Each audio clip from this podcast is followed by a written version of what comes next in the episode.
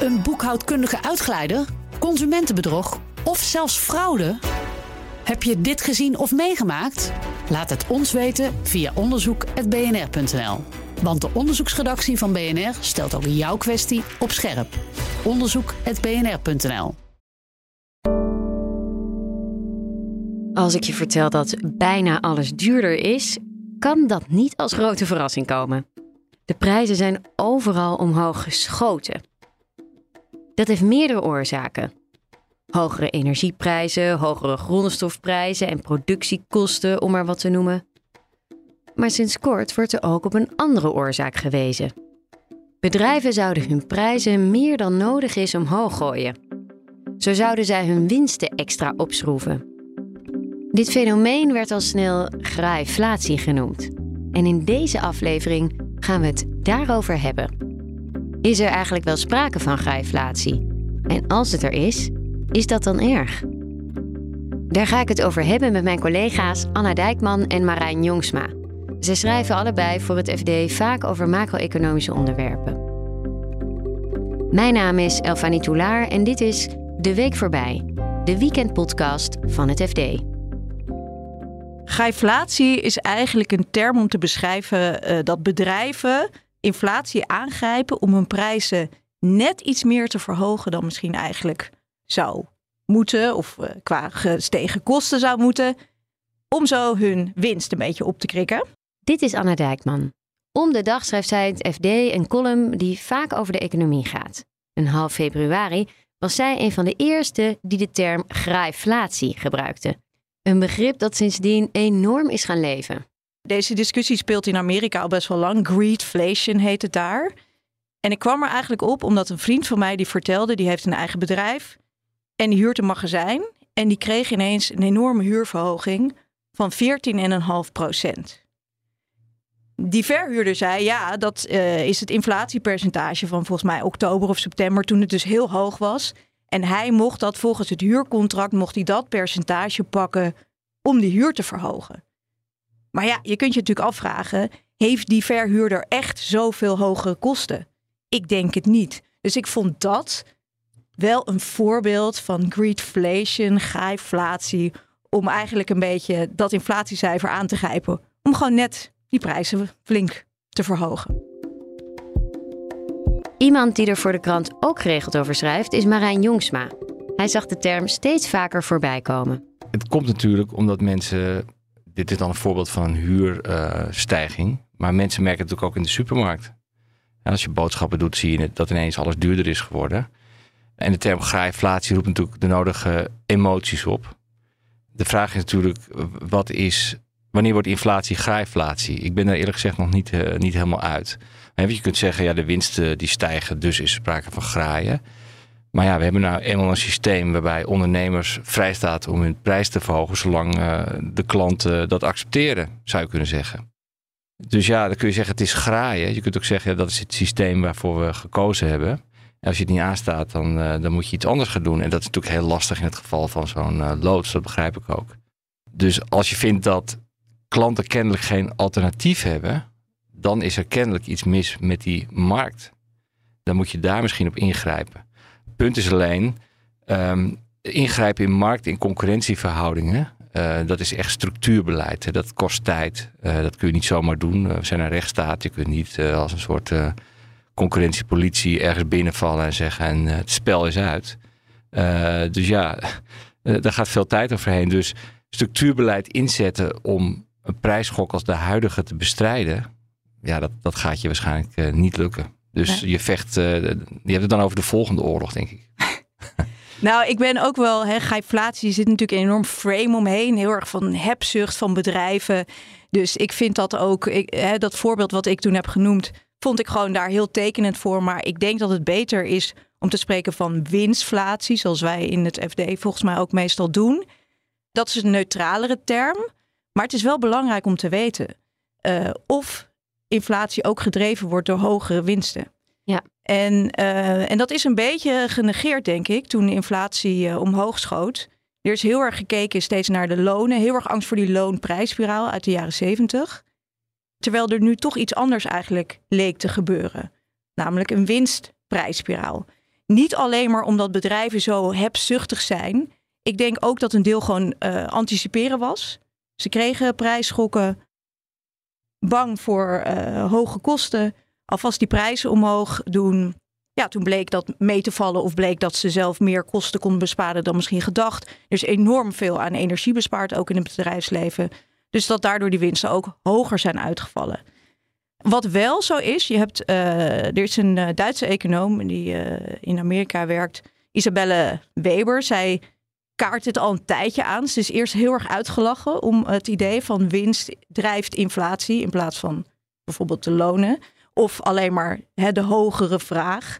Wat wel interessant is, zij heeft heel lang de periode na de Tweede Wereldoorlog bestudeerd. Toen was er ook een beetje vergelijkbaar misschien in schokken na corona en de Oekraïne-inval. Dat de aanbodketens waren verstoord. Uh, uh, productie was nog niet helemaal uh, op peil. Maar er was wel heel veel geld bij consumenten. En daar zag je dus een enorme verstoring. En um, toen zijn er trouwens ook prijsplafonds ingesteld. Vlak na de Tweede Wereldoorlog. Ja, in Amerika. Ik weet eigenlijk niet hoe dat in Nederland uh, is gegaan. Maar toen daar. En zij zag dus een vergelijking. En zij zegt eigenlijk van ja, het is, zijn niet normale marktomstandigheden. Niet normaal zoals je prijzen verhoogt in een uh, normale markt. Het is een, eigenlijk een extreme markt. Ja. Uh, je hebt in eerste instantie een schok. Dat is dus uh, corona, lockdowns, hele boel lag op zijn gat. alles was in de war. kwam nog die energiecrisis overheen. Een soort extreme markt waarin alles ging schuiven.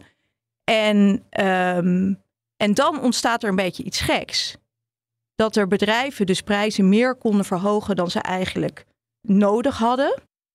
Dat konden ze doen omdat consumenten het accepteerden. Want die wisten, oké, er is een. Uh, we hebben die lockdowns gehad. We hebben een energiecrisis. Die accepteerden dat. Andere bedrijven die misschien helemaal niet direct te maken met heel hoge kosten, zagen dat anderen dat deden. Die gingen mee, omdat ja, het kon nou eenmaal. Ja. En um, dus in die zin is het niet helemaal het normale marktmechanisme. En uh, kun je ook afvragen of er misschien op sommige plekken sprake is van marktfalen, zoals economen dat noemen. Dat bijvoorbeeld bepaalde bedrijven, en dan denk je natuurlijk meteen aan hele grote energiebedrijven, dat die ja, daar enorm gebruik van hebben gemaakt. Nou, ik ben het wel met je eens. Ik denk dat, dat het is uh, wat economen dan uh, informatieasymmetrie noemen. Hè. In de normale omstandigheden weten zeker professionele afnemers weten ongeveer wel welke kosten hun toeleveranciers maken. En wat, voor... wat zijn professionele afnemers? Nou, in de, in de, in de tussenhandel bijvoorbeeld. Hè. Kijk, een supermarkt weten we ongeveer uh, wat de kosten van een koekjesfabriek zijn. Om het maar heel, heel simpel te stellen. Maar op een gegeven moment komt er een prijsschok en dan dan wordt het heel lastig. Dan, dan ontstaat er een soort mist. Ja, wat is nou precies duurder geworden en wat niet? En precies uh, zoals Anna zegt, um, juist omdat er heel veel duurder wordt, uh, uh, valt het niet meer op als jij ook de prijzen verhoogt. Kijk, als jij de enige bent die de prijzen verhoogt, dan zegt iedereen, wat zullen we nou krijgen? Maar als iedereen het doet, dan ga je dus mee in die flow. Dat kan zijn dat je denkt, puur opportunisme. Kan ook zijn dat je denkt van ja, mijn kosten zullen ook wel gaan stijgen. Uh, als ik te laat ben, dan lukt het me niet meer. En dan uh, moet ik uh, minder winst maken of misschien wel verlies gaan draaien. Dus laat ik gewoon vrolijk meedoen. Maar je krijgt in ieder geval een situatie waarbij het zicht een beetje op kosten en prijzen tijdelijk een beetje ja, ondoorzichtig wordt. Ja, maar als consument zie je dat gebeuren en kun je dan toch wel het gevoel krijgen in ieder geval dat daar dan in die mist van stijgende prijzen flink wordt gegraaid. Ja, dat, dat kan zijn. Maar uh, grappig genoeg, ik fietste gisteren met uh, een middelbare scholier op. En die zei tegen mij van ja, het is echt schandalig. Want de, de rondo's in de kantine die zijn met uh, zoveel cent gestegen. Had allemaal keurig uitgerekend, zoveel procent. Heel belangrijk in zijn wereld. En ja, hij zegt ja, dit is toch wel graaien. En die man loopt binnen. ik zeg, ja, dat zou kunnen, maar voordat je dat, laat ik zo zeggen, wij zouden dat niet direct in het FD zetten van kantineverkoper wordt schatrijk van rondo's. Want dan zouden we toch eerst moeten uitzoeken wat die rondo's hem kosten. Nou, dan ga je dus naar de koekjesfabrikant en die zegt wel ja, maar wacht eventjes. Uh, de prijs van suiker, de prijs van graan. Uh, ik mag blij zijn dat ik nog wat aan die koekjes uh, verdien.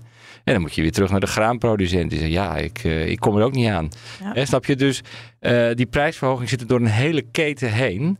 En het is wat wij zien, het zijn de prijzen in de supermarkt.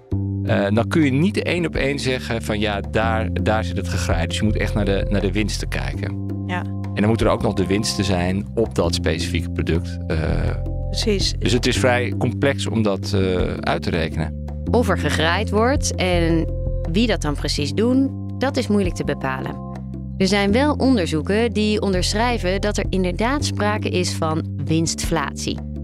Maar die gaan vooral over de grote lijnen. Dus er worden CBS-cijfers worden op een hoop gegooid. En dan wordt er gezegd van ja, we zien duidelijk winststijging. Uh, het lijkt mogelijk te zijn dat er graaiflatie is. Maar het is een soort uh, thriller, een soort whodunit. Uh, met de butler natuurlijk altijd. Maar in dit geval weet je het dus gewoon niet. Je weet niet precies welke, welke bedrijfstak. Je weet niet precies welk bedrijf binnen welke bedrijfstak. En dat maakt tot, toch tot een beetje een soort abstract begrip. Wat natuurlijk wel uh, een, een heel fijn begrip is ook voor uh, vakbonden. Want ja. die kunnen hier natuurlijk hun achterban wel mee uh, mobiliseren.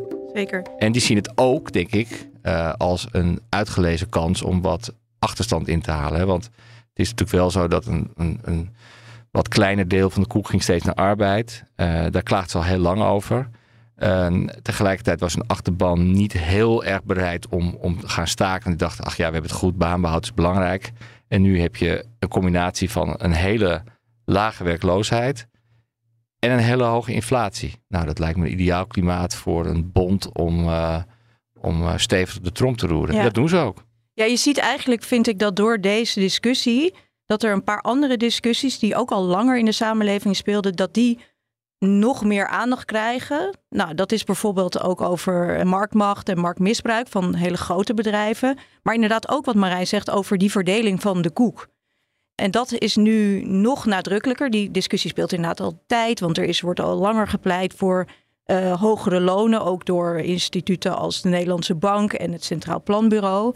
En dat bleef eigenlijk maar steeds achter. Terwijl je aan de andere kant wel zag dat de uitkeringen aan aandeelhouders uh, behoorlijk stegen zelfs of in ieder geval heel hoog waren. Dus daar zit dan een gevoel van ja, onrechtvaardigheid. En als dan ook nog het gevoel erbij komt dat de rekening van de inflatie eigenlijk bij werknemers wordt gelegd, dan krijg je dus voor de, ja, de bonden een ideaal uh, recept om, uh, om meer te vragen. En denk ook wel bij de samenleving in zich heel, ja, toch een beetje gevoel van onvrede, dat het niet eerlijk is. Ja, maar dat is ook wel begrijpelijk, toch? Want FNV had onderzoek gedaan en daaruit bleek, geloof ik, de lonen waren de afgelopen jaren met gemiddeld 10% gestegen. Ja, dat was tussen 2019 en 2022. Ja, en de topbeloningen een stuk meer met uh, 21%. En de uitkering aan de aandeelhouders met 59%. Klopt, ja. En dat, uh, wat, wat heel veel bedrijven doen, is dat ze veel uh, eigen aandelen inkopen. Dat wordt eigenlijk gezien als een, ja, een eenmalige manier om als je als bedrijf veel cash hebt, om dat naar aandeelhouders te laten stromen zonder dat je de dividenden verhoogt. Dus dan zijn aandeelhouders ook minder boos als je het jaar daarop bijvoorbeeld het niet doet. Alleen is het eigenlijk van een tijdelijk instrument, of eenmalig, is het een beetje structureel aan het worden. Dan zie je dat wel heel veel bedrijven dat doen. En daar zijn een paar zorgen over. Dat is bijvoorbeeld dat er niet genoeg wordt geïnvesteerd in een bedrijf. Op, op gebied van duurzaamheid bijvoorbeeld, maar ook innovatie. Waarom niet? Omdat ze die cash dus niet gebruiken voor dat soort dingen. Maar om aandelen maar in te om, kopen. Uh, naar hun aandeelhouders eigenlijk uh, te laten gaan. En er zijn heel veel redenen om dat te doen, maar dit wordt wel gezien als een nadeel ervan. En er zijn zelfs economen die zeggen, ja, dat, dat kan ook verklaren waarom bijvoorbeeld arbeidsproductiviteit achterblijft. Als jij niet meer investeert in het Ja. bedrijf of in mensen, dan blijft dat achter. Dus ja, je zou daarvan kunnen zeggen, oké, dat is al een tijdje aan de gang. Dat is ook echt toegenomen. Eh, winsten zijn de laatste jaren heel hoog geweest. Misschien is er ook wel angst bij het bedrijfsleven dat het steeds tijdelijk zou zijn hoor. Dat het inderdaad het jaar erop eh, lager werd. Want als je lonen gaat verhogen, zit je er natuurlijk aan vast. Ja. En die Dat is een eh, heel goed punt, hè? Ja. Want lonen, dat zijn ook een vorm, is eigenlijk ook een soort prijzen natuurlijk. Ja. De prijs van arbeid. En als die stijgen, dan gaan ze eh, eigenlijk nooit meer naar beneden. Nee. De enige manier om ze naar beneden te krijgen is door de inflatie heel hard aan te wakkeren en ze niet te verhogen. Dan gaat je reële, om- omlaag. Ja. Eh, maar lonen die, die, die, die blijven eigenlijk eh, min- minimaal gelijk en st- of stijgen verder.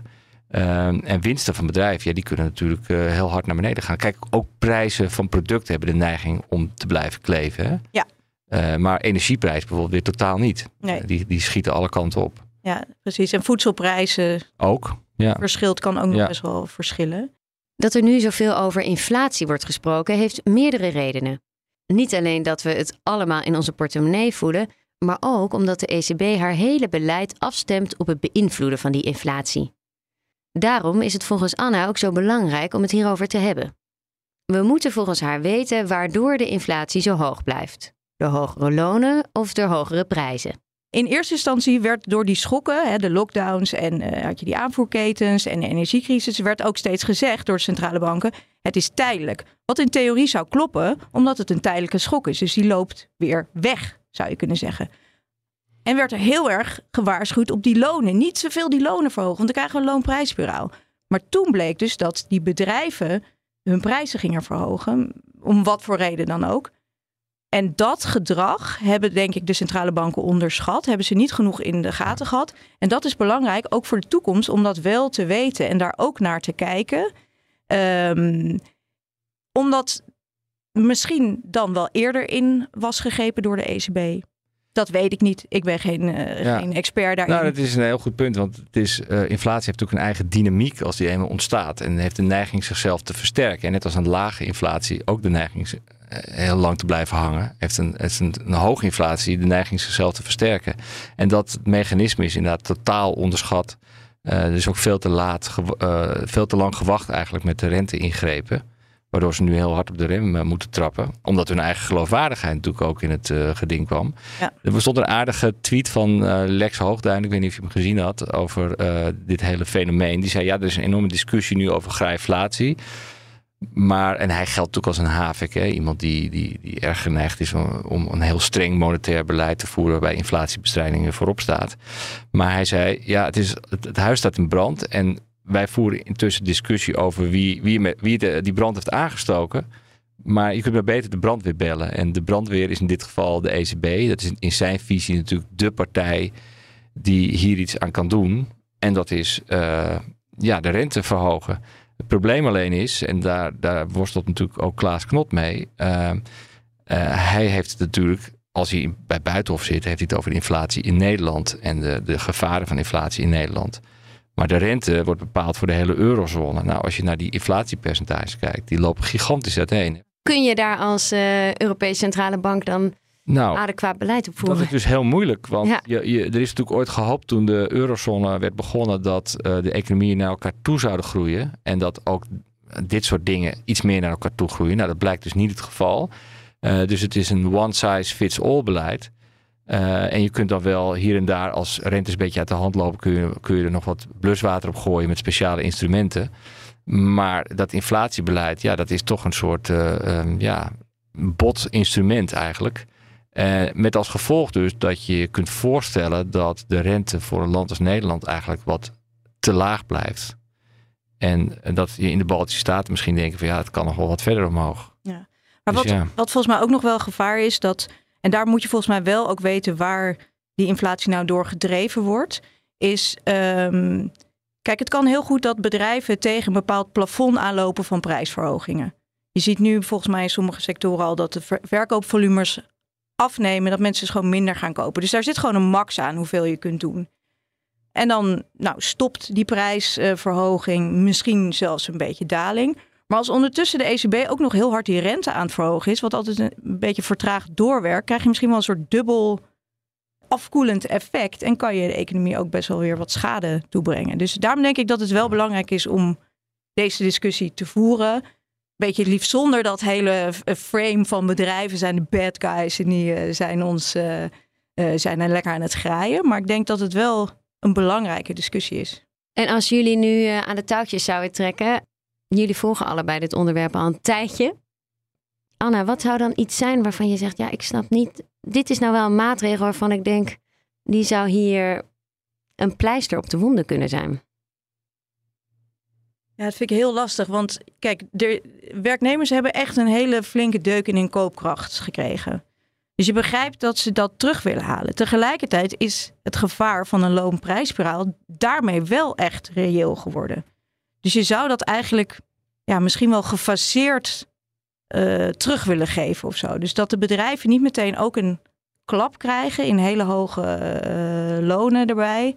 Maar dat werknemers wel ook iets in het vooruitzicht hebben van het gaat wel, mijn koopkracht gaat verbeteren.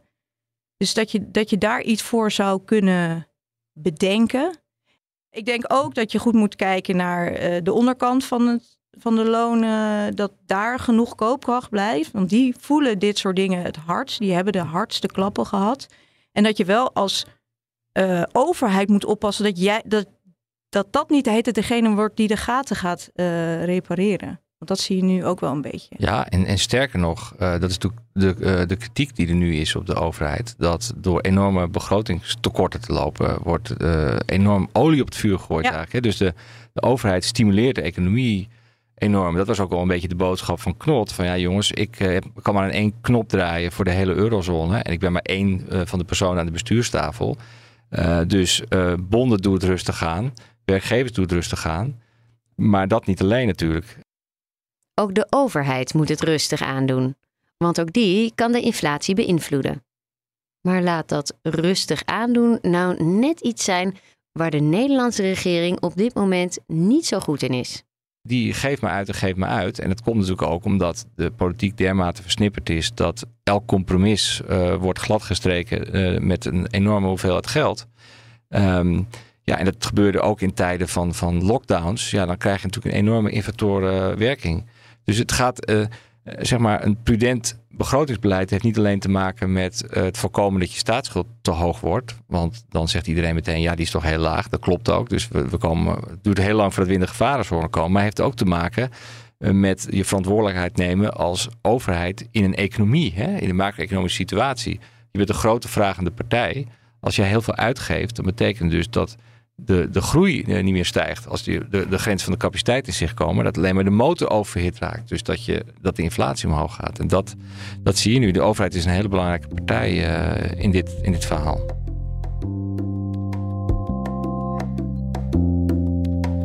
We weten dus gewoon niet zeker of er sprake is van grijflatie of winstflatie. En als het er al is, weten we niet precies waar het vandaan komt. Toch blijft het volgens Anna belangrijk om goed in de gaten te houden wat bedrijven nou precies doen met hun prijsverhogingen. Want Klaas Knot heeft gezegd, hè, nou, werkgevers, werknemers doen een beetje rustig aan. Maar ik denk dat hij ook wel uh, bedrijven, dat die ook een oproep mogen krijgen van doe ook wel een beetje rustig aan met die prijzen. Ja, en in dat kader zou ik zeggen, dit soort discussies, hè, dan zou je zeggen, ja, er wordt heel veel over gepraat, maar wat schieten we ermee op? Ik denk dus dat dit soort discussies heel goed zijn, want het feit dat iedereen het er nu over heeft, ik weet wel zeker dat ze uh, in directies van bedrijven, zeker waar het gaat om consumentengoederen, denken van ja jongens, een beetje rustig aan. Want er komt een moment dat klanten gewoon afhaken. En dan moet je ze dus weer terug zien te krijgen. Hè? Want de meeste mensen zijn gewoontedieren. Die gaan altijd naar dezelfde supermarkt. Denken dat is handig. Um, ik weet waar alles staat. En in die zin werkt geen enkele markt perfect. Maar op een gegeven moment denk ik, ja, ik lees het veel over. Iedereen zegt dat, viel mezelf ook al op. Weet je wat, ik ga eens naar die goedkopere grootgrutten. En als ze dat helemaal gewend zijn, ja, dan gaan ze er wat vaker naartoe. En dan moet je dus weer die klanten terug zien te winnen met allerlei stunts. Dat kost je ook geld. Ja, ja precies. Reputatieschade kan dan uiteindelijk ook voor bedrijven een reden zijn om een beetje Daarom moeten we rustig veel, aan te doen. Daar moeten we het er veel over hebben. Dit was hem voor deze week. Dankjewel voor het luisteren. Alles over inflatie, graaiflatie of winstflatie lees je natuurlijk ook in onze app. Volgende week zijn we er weer met een nieuwe aflevering. Ik ben te vinden op Twitter, Elfanie.